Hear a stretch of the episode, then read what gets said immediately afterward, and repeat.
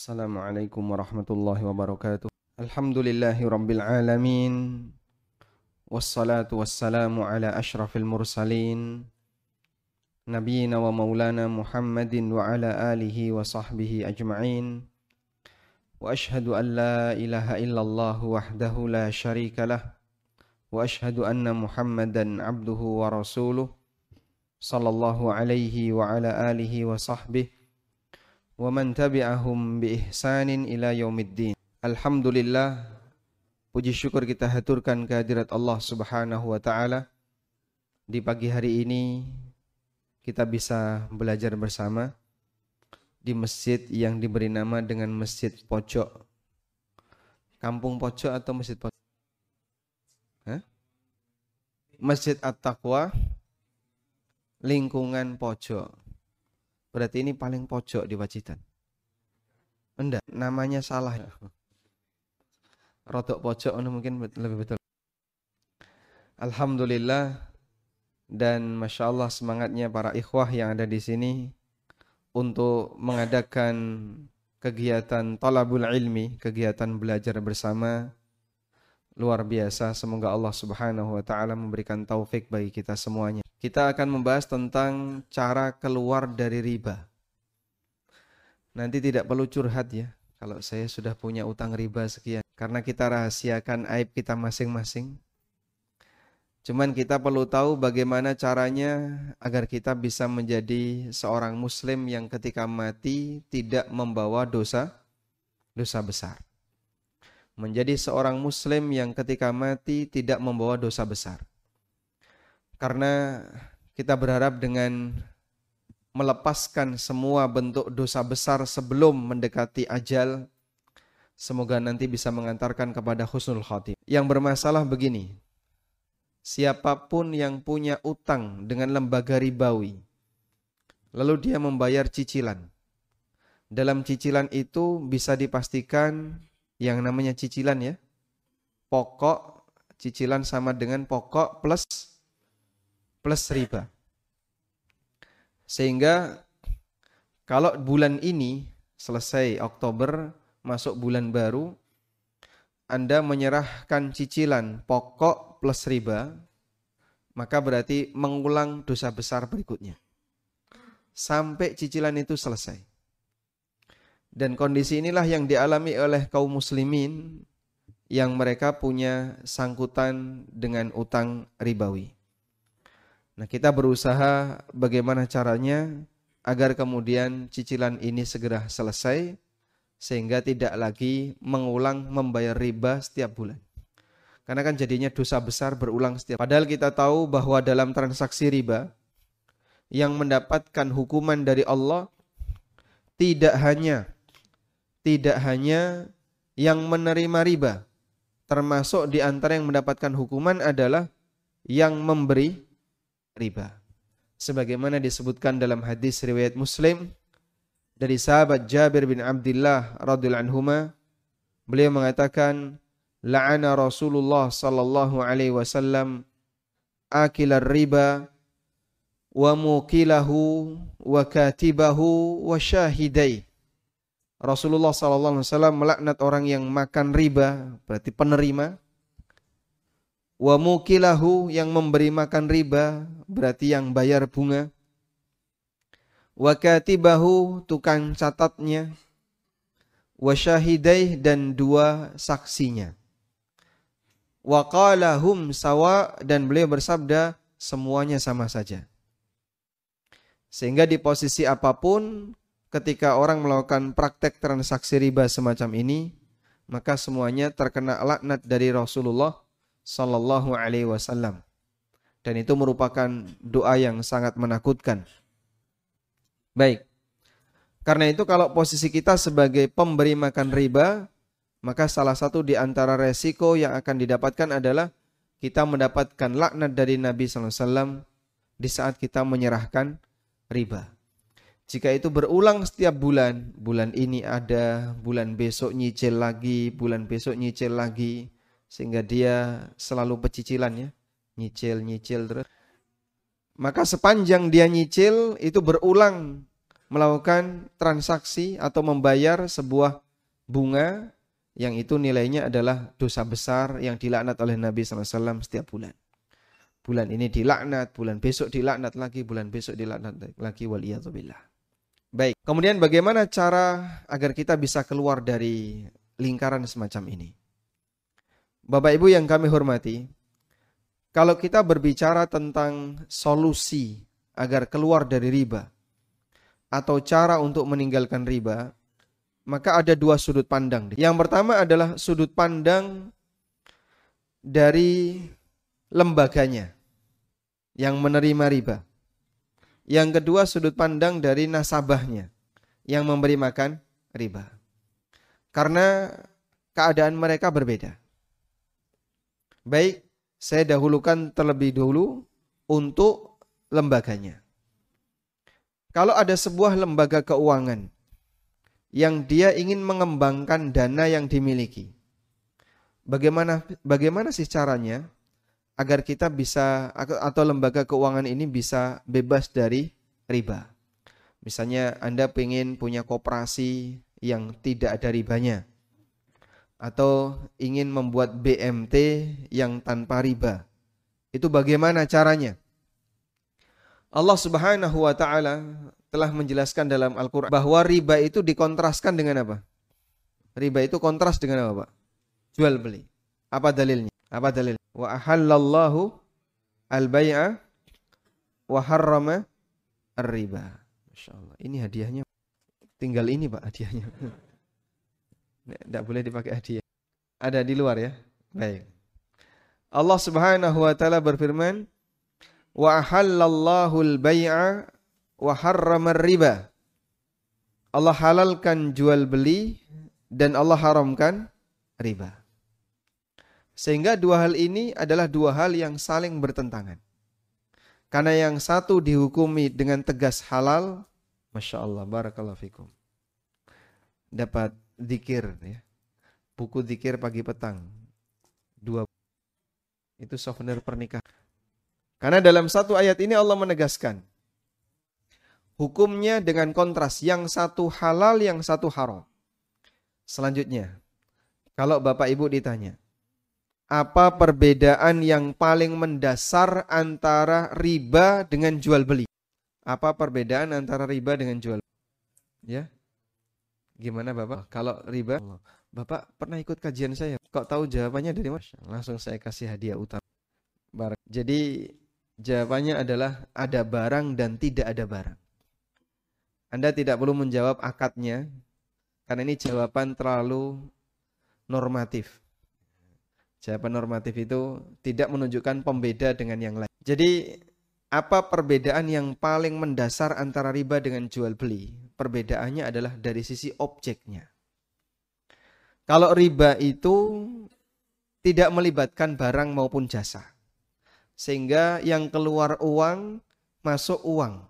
Lembaga ini, BMT ini mengeluarkan uang, masuk kembali uang, kemudian nyiprat uang. Duit digesek dengan duit, nyiprat duit, duit cipratan ini panas. Karena itulah transaksi riba. Berbeda dengan jual beli. Kalau jual beli itu yang dikeluarkan barang, lalu nanti dapat uang plus keuntungan atau dia mengeluarkan jasa, dari jasa itu dia bisa mendapatkan bayaran. Sehingga kalau yang dipraktekkan adalah keluar barang atau jasa, lalu lembaga itu bisa mendapatkan uang, maka keuntungan dalam uang itu halalan tayyibah. Ada banyak orang yang tidak bisa membedakan antara riba dengan jual beli. Dan Allah telah menyinggung dalam Al-Quran sebagian masyarakat jahiliyah nggak bisa membedakan antara riba dengan jual beli. Allah berfirman, "Dzalika bi annahum qalu innamal bai'u mithlur riba." Hal itu disebabkan karena mereka mengatakan jual beli itu sama seperti riba. Wa ahallallahu al-bai'a wa harrama riba. Padahal Allah halalkan jual beli dan Allah haramkan riba. Maka kalau seorang muslim ditanya tentang perbedaan jual beli dan riba, kok enggak bisa jawab? Ya, jangan-jangan mirip seperti ini. Dzalika bi qalu innamal bai'u mithlur riba karena mereka mengatakan bahwasanya jual beli seperti riba padahal keduanya ini saling berbeda.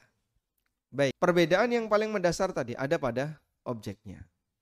Karena itu kalau kita punya lembaga keuangan apa pun namanya, baik BMT, koperasi, bahkan andekan sampai bisa jadi bank, maka untuk bisa menjadi lembaga keuangan yang sesuai syariah, kata kuncinya kamu menjual apa, kamu memberikan sehingga orang tidak bisa mendapatkan keuntungan hanya dalam bentuk uang. Saya ngasih uang, nanti uang saya akan bekerja, lalu saya dapat uang. Sebab uang tidak boleh disewakan, uang tidak boleh disewakan, uang juga tidak bisa dikasihkan ke orang lain dalam bentuk utang lalu nanti akan menghasilkan keuntungan. Sebab kita punya kaidah setiap keuntungan dari transaksi utang adalah riba. Kullu qardin jarra manfaatan fahiyar riba. Semua transaksi utang yang menghasilkan manfaat maka nilai manfaat itu adalah baik. Bisa dipahami di sini? Nah, sekarang masih meninggalkan pertanyaan. Terus apa perbedaan antara riba dengan mudoroba? Apa perbedaan antara riba dengan mudoroba? bagi hasil. Ada yang bisa ngasih jawaban? Nah, kalau riba untung terus, ini sepasang. Baik, jadi apa perbedaan antara riba dengan mudoroba? Perbedaannya adalah dari sisi nilai uang yang diserah. Kalau statusnya terjamin, jika uang itu dijamin, dijamin dalam arti nanti pasti akan balik utuh plus ada keuntungan. Maka keuntungan itu statusnya riba. Karena uangnya dijamin. Tapi kalau uangnya tidak dijamin, itu mudoroba. Sehingga kalau tidak dijamin, maka dia menghadapi dua peluang. Antara apa Pak? Untung atau rugi. Karena itu dalam prinsip mudoroba, peluang untung sama dengan resiko rugi. Orang tidak boleh dalam melakukan mudoroba hanya mau untung, nggak mau rugi. Kalau ini praktek riba. Dipahami insya Allah ya? Sehingga kalau misalnya begini. Koperasi ingin memberikan modal kepada seorang pengusaha yang baru membuka pabrik tahu tuna dan dikasih modal senilai 100 ya. Kalau akadnya mudoroba, maka pihak koperasi harus siap dengan resiko. Ini kalau usahanya gagal, rugi, di luar keteledoran pengelola, maka koperasi tidak boleh minta 100 juta ini balik. Tapi kalau nanti usahanya berkembang, dapat untung, koperasi berhak untuk mendapatkan koperasi berhak untuk mendapatkan bagi hasil. Dan itulah keseimbangan yang diajarkan dalam praktek mudoroba. Peluang untung sama dengan resiko rugi. Dipahami ya insya Allah. Baik. Kalau transaksi riba enggak. Transaksi riba itu duit yang diserahkan utuh. Kemudian nanti dia mendapatkan keuntungan. Berarti kalau ada kasus seperti A memberikan modal kepada janjiannya, wahai B, saya kasih modal ke kamu 100 juta. Nanti kalau untung kita bagi hasil. 50-50. Tapi kalau rugi, kalau rugi saya nggak mau bagi hasil, cuman tolong modal. Ini boleh, boleh atau tidak? Kenapa tidak boleh? Karena modalnya di baik, karena tidak mau resiko. Selama modal dijamin dan tidak ada resiko yang ditanggung oleh pemberi modal, maka transaksi itu hukumnya masuk dalam kategori utang dan oleh karena itu tidak boleh minta ke dipahami ya? Baik. Sehingga mudoroba sebagaimana Anda bisa mendapatkan peluang untung Anda juga harus siap dengan resiko rugi. Makanya kita diajarkan prinsip ringan sama dijinjing berat sama di dipikul tidak boleh orang membalik ya. Ringan aku yang jinjing kalau berat kamu yang mikul. Itu tidak boleh. Karena kalau seperti ini mendolimi salah satu pihak. Baik, ini solusi yang bisa dilakukan ketika seseorang ingin membuat sebagai lembaga sebuah lembaga keuangan atau lembaga apa pun yang kemudian ingin mengembangkan dengan cara syar'i yaitu galakkan jual beli.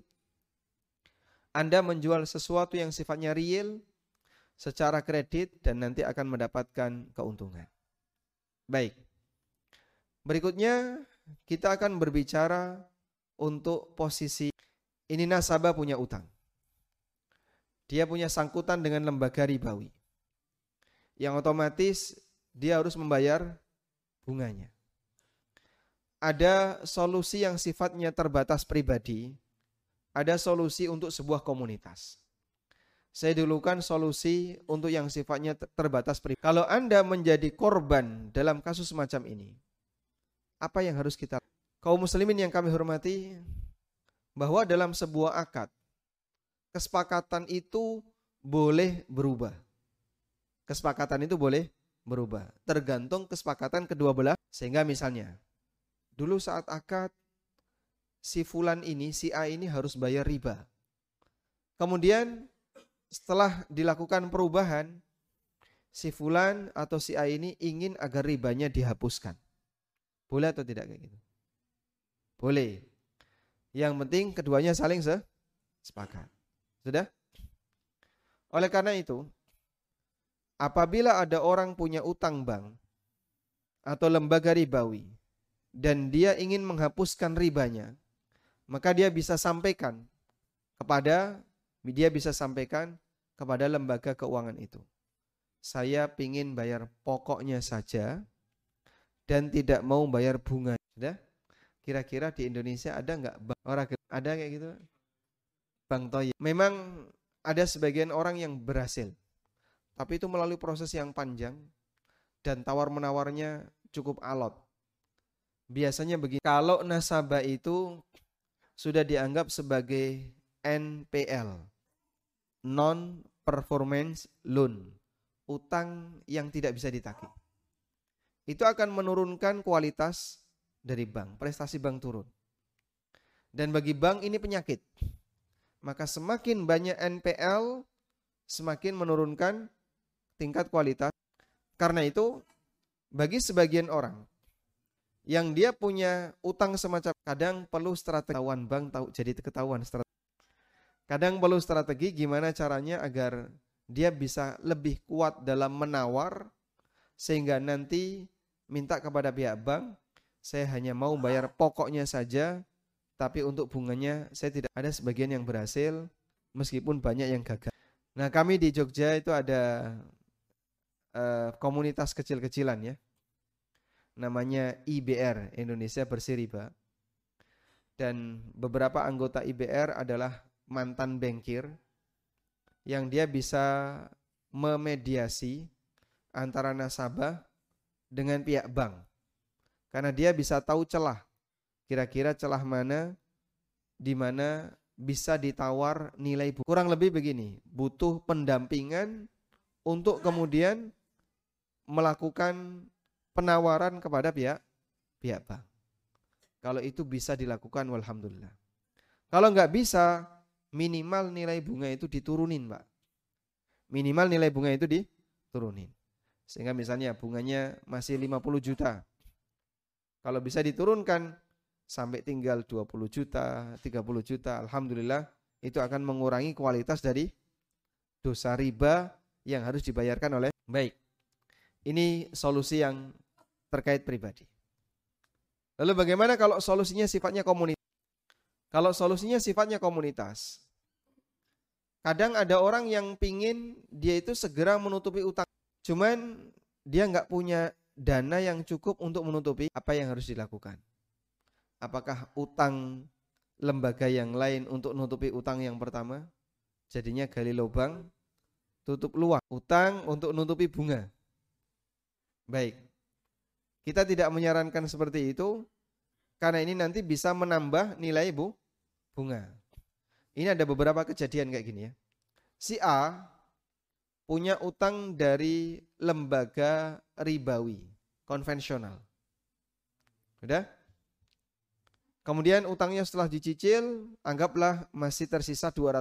Terus dia berpikir begini, kalau bank syariah itu kan sudah akhirnya dia pingin oper kredit ke bank syariah. Dari lembaga keuangan tadi, oper kredit ke bank. Bisa utang dari 200 juta ditutupi oleh bank syariah ke bank konven tadi. Sudah? Terus dia nyicil ke bank syariah 220 juta. Menurut Anda ini makin riba atau malah mengurangi? Jadinya apa? Makin riba. Karena lembaga kedua ini juga minta margin. Lembaga yang kedua ini juga minta keuntungan. Maka kalau dia mengeluarkan utang 200 juta, dia akan minta keuntungan sehingga jadi tambah sekian puluh. Makanya ini bukan solusi ya. Sehingga punya utang di bank konven, jangan ditutupi pakai bank yang lain. Anda kalau nutupi pakai bank yang lain, maka nanti utangnya akan semakin bertambah banyak. Itu bukan memberikan solusi, tapi justru menambah nilai Terus solusinya bagaimana? Coba kita galak. Saya yakin ini bisa dilakukan di mana pun. Sebagaimana ini kami lakukan di Jogja. Ya meskipun nilainya Bapak Ibu punya uang di rekening. Dan duit itu nganggur tidak bisa dimanfaatkan. Ataupun kalau Anda memanfaatkan nanti tidak bertambah. Kalau bertambah penambahannya tidak boleh di, dimiliki. Kalau misalnya begini, duit nganggur yang Anda punya ini dikumpulin jadi satu. Di sebuah lembaga, anggaplah lembaga ini namanya Lembaga Pengelola Dana Umat, LPDU. Sudah? Lalu duit nganggur tadi Anda kumpulkan di LPDU. LPDU ini kemudian meminjamkan duit nganggur ini kepada orang-orang yang punya masalah dengan utang. Nah setelah itu dia akan gunakan untuk nutupi ribanya. Dia akan gunakan untuk nutupi ribanya. Nutupi bunganya, nutupi pokoknya dan seterusnya hingga utang itu lu, lunas. Ketika utang itu lunas, orang ini akan membayar ke LPDU secara nyicil tanpa kurang lebih seperti itu. Sudah? Dengan cara demikian, kita memanfaatkan potensi umat untuk membantu umat. Memanfaatkan potensi umat untuk membantu umat. Terus akadnya ke LPDU ini apa? Ada uang masuk, ada uang masuk, ada uang. Untuk uang masuk bisa dibuka beberapa keran. Satu, keran zakat. Uang masuk dikasih apa? keran-keran yang pertama adalah zakat. LPDU ini bisa menampung zakat. Zakat nanti disalurkan ke mana? Zakat ini nanti akan disalurkan untuk nutupi utangnya masyarakat yang punya utang. Berarti status mereka sebagai apa? Gorimin. Dan gorimin termasuk mus, mustahik. Baik. Yang jarang diperhatikan di masyarakat adalah para gorimun yang gorimun itu termasuk di antara mustahik. Keran yang kedua adalah utang. Bapak punya uang nganggur? Punya. Baik, bisa nggak Pak diutangkan ke sini? Nanti LPDU ini akan jam. Uang Bapak akan kami kembalikan. Tapi mohon maaf, kalau diutangkan ke sini Pak, minimal 2 tahun. Biar nanti bisa diputar ke yang lain. Tapi kalau hari ini utang, besok ditagih lagi ya jangan. Karena nggak memberikan pengaruh. Bapak minimal utangkan selama dua tahun dan siap tidak ada pertambahan sedikit pun. Nanti ketika dua tahun akan dikembalikan utuh sebagaimana dana yang kemarin diberikan. Sudah? Diterbitkanlah surat utang. Ada yang, ada yang ngasih sejuta, ada yang ngasih dua juta dan seterusnya. Kumpul di LPD. Keran yang ketiga, keran yang ketiga. Wakaf, wakaf tunai itu apa Pak?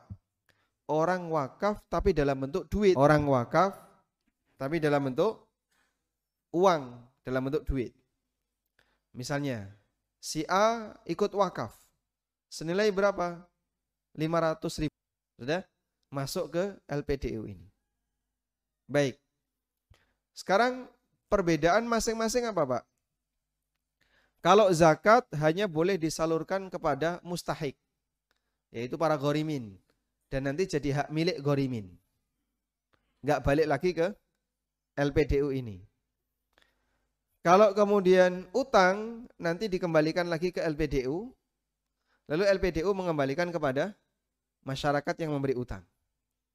Kalau wakaf ini diserahkan ke LPDU, dikeluarkan untuk kaum muslimin, nanti balik lagi ke LPDU, tapi muter lagi.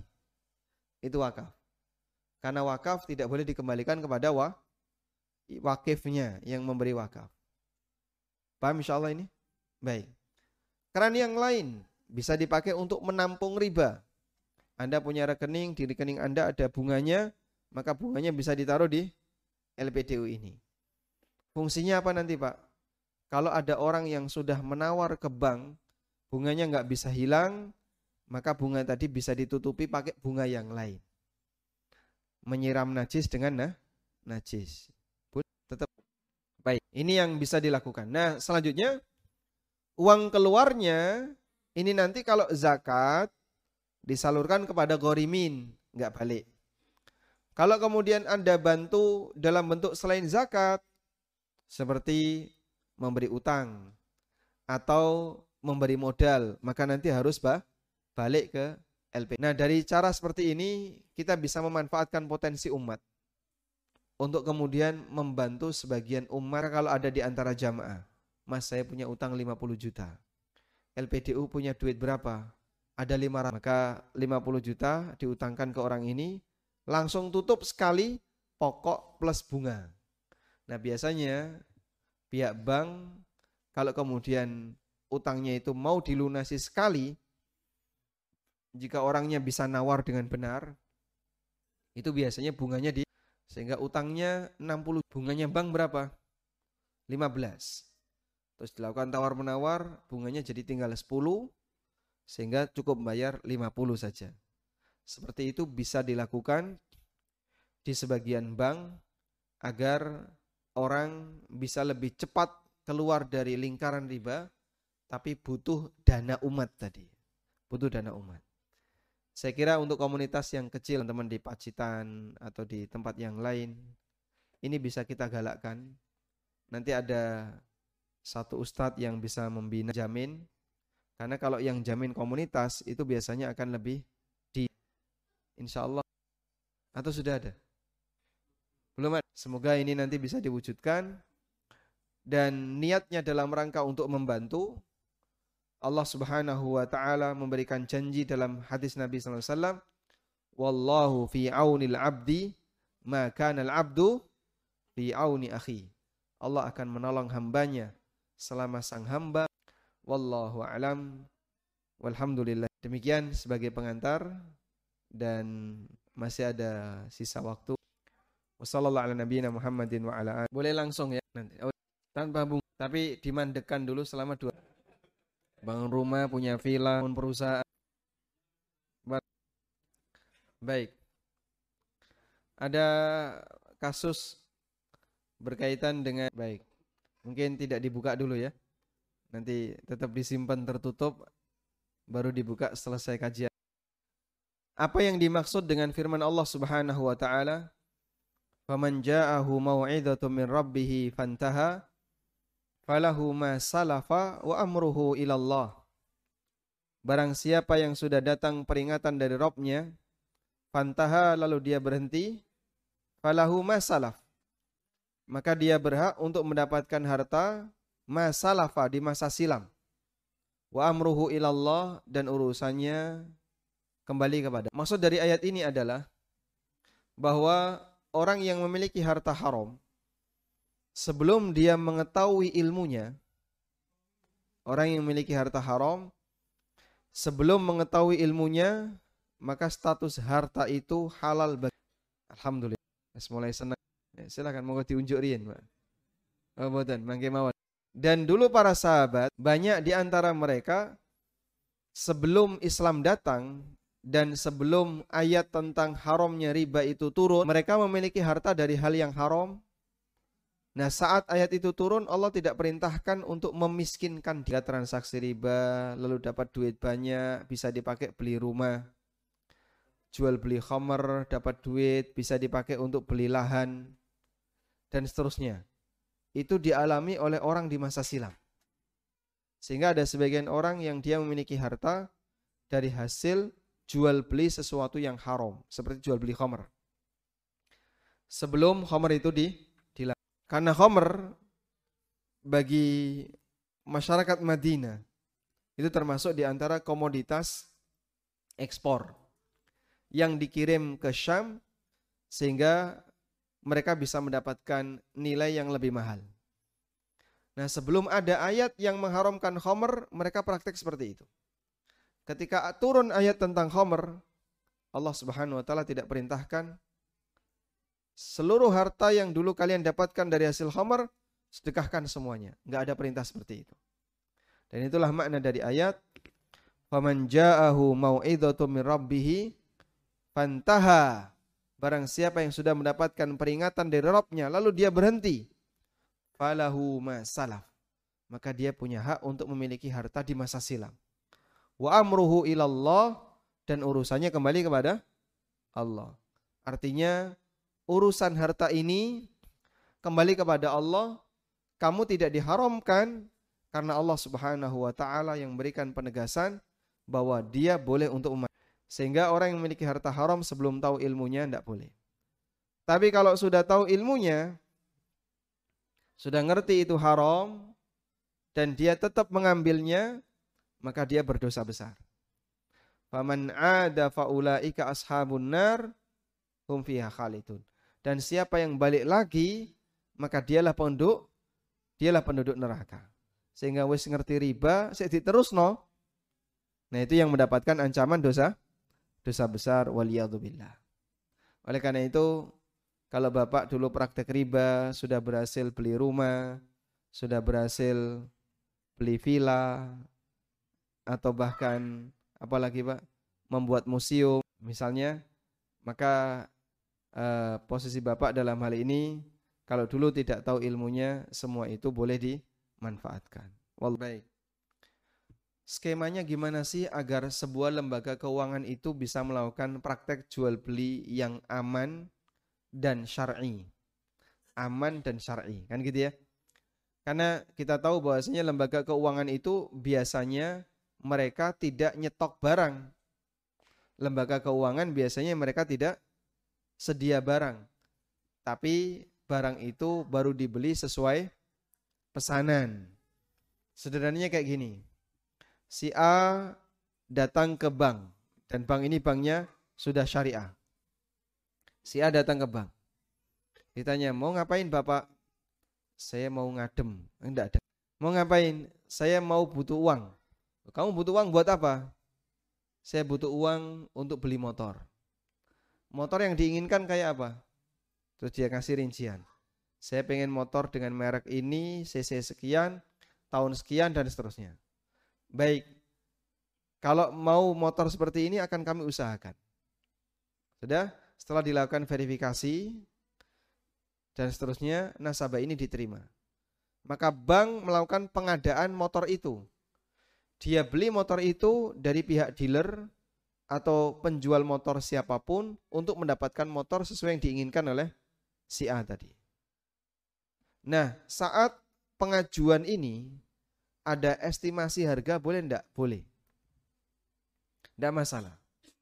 Karena sebatas estimasi harga itu tidak menunjukkan angka riba. Tapi kan belum punya barang. Belum punya barang boleh berencana akad. Dan estimasi harga itu sifatnya rencana ah, akad. Hukumnya tidak masalah. Sama misalnya, Anda tanya ke saya, Nek HP-mu iki pok dol diregani piro? Padahal belum tentu saya jual. Cuman Anda tertarik dengan HP saya, lalu Anda tanya, HP kamu ini kalau kamu jual harganya berapa? Ya, andekan saya jual, ini saya, saya, saya kasih harga 3 juta. Padahal belum tentu saya menjual. Boleh nggak kayak gitu, Pak? Boleh, boleh, boleh, boleh saja. Karena sebatas menyebutkan estimasi harga itu tidak menunjukkan bahwa kedua belah pihak melakukan ah, akad. Paham insya Allah di sini? Baik. Oleh karena itu dalam hal ini tidak masalah jika Bapak menyebutkan estimasi harga atau lembaga keuangan menyebutkan estimasi harga meskipun dia belum memiliki. Nah, setelah verifikasi selesai, bank beli motor itu Lalu motor itu dibawa ke bank. Nasabah dihubungi. Motor sudah ada di tempat kami. Silahkan kalau mau diakatkan datang ke kantor. Maka A, dah setelah A di kantor dilakukanlah transaksi. Jual beli di mana bank boleh mengambil margin yang lebih ketika dia menjual dengan harga kredit. Kemarin kulaknya 20 juta, dijual jadi 25 juta. Boleh nggak Pak? Dia ngambil margin 25 persen. Sah-sah saja. Hukumnya boleh. Karena dalam ini, dalam hal ini diperbolehkan bagi pihak bank untuk mendapatkan keuntungan dari praktek jual beli. Wallahu alam. Cukup mudah ya. Mungkin bisa digalakkan seperti itu. Teman-teman berkumpul, Ayo kita modal, bantingan berapa? Satu juta. Satu juta kali seratus orang, kumpul sekian ratus. Sudah? Kalau nanti ada yang meminta sesuatu atau menghendaki barang tertentu, eh, lembaga ini yang membelikan. Sudah? Nanti setelah dibelikan, dijual ulang dengan cara kredit, plus ada keuntungan. Kami di Jogja, selain punya IBR, nasabah ini tanya, terus kalau saya butuh motor, solusinya gimana? Kan tidak mungkin utang ke IBR. Maka kita buatkan satu lembaga baru namanya Syirka Al Hidayah yang itu melayani jual beli kredit. Masya Allah jamaah. Modalnya waktu buka 35 juta. Dan sekarang Alhamdulillah sudah melayani belasan mobil. Dari awalnya 35 juta. Ya merambat sedikit-sedikit. Cuman belikan HP, motor, laptop, sampai ada yang beli kulkas, kemudian kipas apa ini? AC. Kami belikan, setelah itu kami jual ulang dengan ada margin. Alhamdulillah dari yang awalnya 35 juta, sekarang perputarannya sekian belas mobil yang sudah di dan itu cukup potensial untuk dilakukan di teman-teman yang punya ikatan emosional bagus sehingga saat naruh modal saling percaya, Anda bisa galakkan cara seperti ini. Berbahaya. Itu tanduran apa? Jangan suudon dulu ya. Pikirannya ganja, Pak. Berarti cabai tapi saat menanam pakai obat. Namun penggunaan obat itu kan terukur ya. Sing nandur rawani mangan. Sampai saat ini saya juga nggak berani makan, Pak. Karena cabai tok rawani aku. Ya campur gorengan wah baik. Mungkin hampir semua yang ada di masyarakat kita tidak hanya cabai ya, termasuk buah-buahan dan seterusnya. Semangka, sayur, semuanya disemproti. Makanya ketika itu dijual barangkali perlu ada petunjuk pengamanan. Barangkali ada petunjuk tolong dicuci dulu sampai bersih baru kemudian dimakan. Selama itu tidak memberikan efek samping racun yang berarti bagi fisik manusia, insya Allah hukum. Karena kita tidak boleh menjual sesuatu yang membahayakan orang lain ya. Misalnya menjual racun untuk ngeracuni manusia itu tidak boleh pak. Tapi kalau ini mengandung sedikit racun, hampir semua obat ya, yang dikonsumsi manusia ada unsur misalnya antibiotik ya. itu kan mengandung racun. Cuman itu bermanfaat bagi badan dan nanti akan dikeluarkan. Setelah proses akan di, dikeluarkan dibuang. Kemampuan badan manusia barang bar atau uh, apa zat yang tidak dibutuhkan oleh tubuh itu akan dibuang. Selama dosisnya tidak berlebihan aman bagi badan, menurut standar para ahli, insya Allah tidak masalah. Makanya obat kan ada dosis letal ya. Yang itu kalau dilampaui bisa menyebabkan kematian. Karena kalau sampai titik ini racunnya semakin kuat dan itu bisa menyebabkan kematian. Kalau nggak sampai demikian, insya Allah.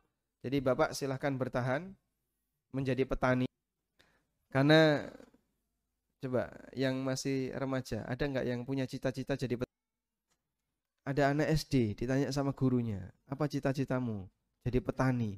Di sana ini karo guru nih. Cita-cita kok petani. Lebih memangnya kenapa? Hah? dianggap sebagai cita-cita yang kurang bagus gitu ya. Makanya petani ini lambat laun langka ini ya.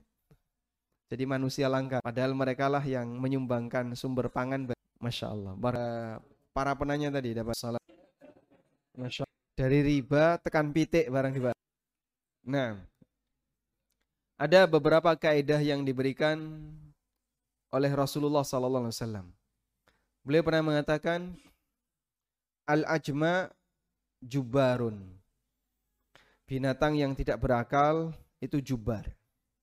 Yang dimaksud jubar adalah dia tidak boleh dimintai ganti rugi.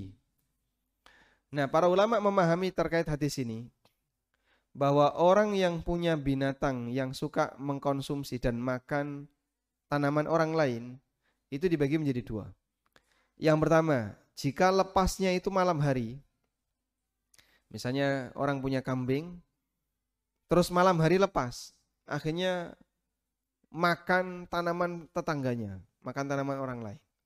Maka pemilik kambing wajib ganti rugi. Karena normalnya yang namanya kambing malam hari itu di kandang, bukan di lepas. Baik. Kalau kemudian lepasnya siang hari, maka yang punya tanggung jawab untuk menjaga adalah pemilik lahan. Karena budaya di tempat itu, budaya di tempat itu yang namanya binatang semacam ini dilepas. Sehingga kalau kemudian masuk ke lahan orang lain ya, pemilik lahan harus menahannya. Dia gusah atau ngasih bambu atau apa agar tidak dimasuki oleh binatang. Sehingga kalau tetap dimakan oleh binatang, maka pemilik kambing tidak bertanggung jawab. Itu kalau sudah menjadi budaya dan terakhir. Oleh karena itu, dalam hal ini seperti burung merpati yang dilepas, lalu apalagi Pak? Ayam ya. Terus notoli gabah milik tetangganya, jika itu siang hari dan sudah menjadi budaya di masyarakat itu dilepas, wallahu alam yang kami pahami pemilik ayam tidak tanggung jawab. Artinya tidak harus ditagih ya. Pitikmu wis nontoli gabaku sekilo. Misalnya dia punya 100 ayam, dicolke ya. Satu ayam berapa itu? Satu gram atau saon ya. 10 10 gram mungkin. Kalau saon kan 100 gram. 10 gram. per ayam 10 gram. Ping 100 ayam 1 kilo. Maka kamu harus ganti gabah. Dan Rasulullah SAW menyebutkan. Apabila ada seorang muslim yang menanam tanaman apa pun, kemudian diambil oleh orang lain atau dimakan oleh binatang, kana lahu bihi sadaqah. Maka itu menjadi sedekah yang bisa jadi dia belum sedekah, maka sedekahnya diambil secara langsung oleh dan insya Allah itu akan menjadi tabungan tambahan baginya. Waalaikumsalam. Ayah ada di sini nggak? Ayah nggak ada. Di rumah. Oh. Masya Allah. Atau coba bicara di depan ini sampaikan ke ayah. Nanti linknya tinggal kasihkan ke ayah. Berat ya? Masya Allah. Baik. Ya ini seperti tadi malam Pak ya. Antara suami istri saling mengadu ketika di forum pengajian anak dengan orang tua juga seperti itu. Kalau Anda bicara bagaimana caranya, sebenarnya kaitannya dengan ini kan ada dua ya. Materi dan metode. Kalau bicara materi, mungkin Ustadz bisa ngasih jawaban. Para Ustadz akan menyampaikan, kamu sampaikan ini. Ini dalil-dalil tentang haramnya transaksi riba. Bahaya dan ancaman bagi mereka yang melakukan transaksi riba. Ditunjukkan. Ya, itu materi. Tapi bagaimana metodenya, seharusnya anak lebih paham. Karena anak kan lebih ngerti karakter orang tuanya atau sebaliknya, orang tua lebih ngerti karakter anaknya. Gimana caranya? Nah, itu bicara metode. Tapi kalau materinya Anda bisa sampaikan beberapa dalil yang menyebutkan tentang bahaya riba, kemudian ancaman riba dan seterusnya. Nah biasanya kalau anak itu menyampaikan mungkin kurang dipercaya. Kue ki sopo, anak terus apa lagi? Kok tiba-tiba gurui bapakmu? Gak dipercaya ya? Maka sebagai solusi silahkan diajak untuk ikut kajian. Mereka bapak saya seperti ini tanpa nyebut nama ya. Saya namanya si A, bapak saya si B, jangan ya. Nanti beliau sakit hati. Jadi cukup ada orang seperti ini, barangkali Ustadz bisa kasih nasihat. Alhamdulillah orangnya ada di sini. Sehingga kalau Anda menyampaikan itu, mungkin nanti Ustadz akan memberikan nasihat Semoga bisa menyadar insya Allah. Atau link kajian ini kasih kasihan ya. Ada banyak kajian tentang masalah riba. Anda bisa potong. Waalaikumsalam. Beliau ini pernah saya bahas. Bagi yang mungkin pernah ikut kajian online bedah buku fikih ASN, poin ini ada. Tentang hukum orang yang bekerja tapi saat melamar pekerjaan pakai sogok. Sampai kemudian dia diterima, kemudian dia mendapatkan gaji. Gaji dia ini halal atau haram? Baik. Pertama, saya ingin menyampaikan bahwa jawaban ini berlaku bagi mereka yang sudah punya kasus. Bukan untuk mengajak agar Anda punya kasus. Sehingga yang belum berkasus jangan ikut-ikutan. Ya? Sehingga jawaban ini hanya khusus bagi yang sudah punya kah? kasus. Yang dulu waktu daftar jadi PNS, atau jadi karyawan pakai sogo akhirnya dia diterima dan sekarang dia jadi karyawan di situ dapat gaji tiap bulan. Apa hukum terhadap gaji yang dia Ada beberapa fatwa yang disampaikan oleh para ulama dalam hal ini dan kesimpulannya bahwa hukum gaji yang didapatkan adalah halal. Lo kok bisa Pak? Dia masuk pakai sogok. Sebab dia digaji itu bukan karena sogoknya. Dia digaji karena kerja. Sehingga dia bulan ini bekerja, lalu dikasih gaji 3 juta. Bulan depan kerja lagi, dikasih gaji 3 juta lagi. Maka dia dikasih 3 juta disebabkan karena dia bekerja selama satu bulan. Gaji yang dia dapatkan itu bukan termasuk di antara Makanya kalau dia tidak kerja selama waktu tertentu dan itu tidak ada udur, dia bisa diskors. Dan kadang ketika dia diskors lalu dia nggak dikasih gaji oleh perusahaan karena itu haknya perusahaan maka dalam kasus ini jika orangnya tidak bekerja atau bekerja lalu dia mendapatkan gaji maka insya Allah gajinya ha? Halal berarti kalau kayak gitu Pak mari kita nyogok bareng-bareng untuk dapat kerjaan bukan ini penjelasan untuk mereka yang sudah punya kasus bukan mengajak untuk ber berkasus. Paham insya Allah? Kita sampai jam kurang dua menit. Baik. Ada yang berasal dari luar Pacitan, bukan yang domisili sini. Yang Anda dari luar datang ke sini untuk ikut daurah. Enggak ada ya? Dari Praci ada? Enggak ada. Baik. Pertanyaan. Sebutkan sebutkan cara yang syar'i ketika lembaga keuangan atau bank atau BMT atau koperasi ingin membuat skema yang syariah agar bisa mendapatkan keuntungan. Sebutkan. Baik, harus di caranya gimana? Tahapan pertama kalau seperti itu ndak ada yang kira-kira real bisa dijadikan sebelum membeli barang itu ada tahapan akad. Sebelum membeli barang ada tahap Diskusi di masjid atau di mana? di kantor. Maksudnya diskusi gimana? Jadi menampung permintaan dan penawaran, terus nah, setelah itu kapan lembaga keuangan ini sudah boleh Masya Allah? Apa dalilnya? Lembaga keuangan baru boleh menjual jika sudah memiliki dan sudah menerima. Apa dalilnya? Kalau sudah memiliki, Nabi SAW mengatakan la tabi ma indak. Jangan kau jual barang yang belum kau miliki. Sedangkan dalil menerima adalah naha Rasulullah SAW ayyabi at-ta'am qabla ayyastawfiyah. Nabi SAW melarang orang menjual ulang barang yang dia beli sampai dipindahkan ke tempatnya, sampai dilakukan istifa. Sehingga harus dibeli, dibawa dulu ke kantor, baru di dipahami Walhamdulillah.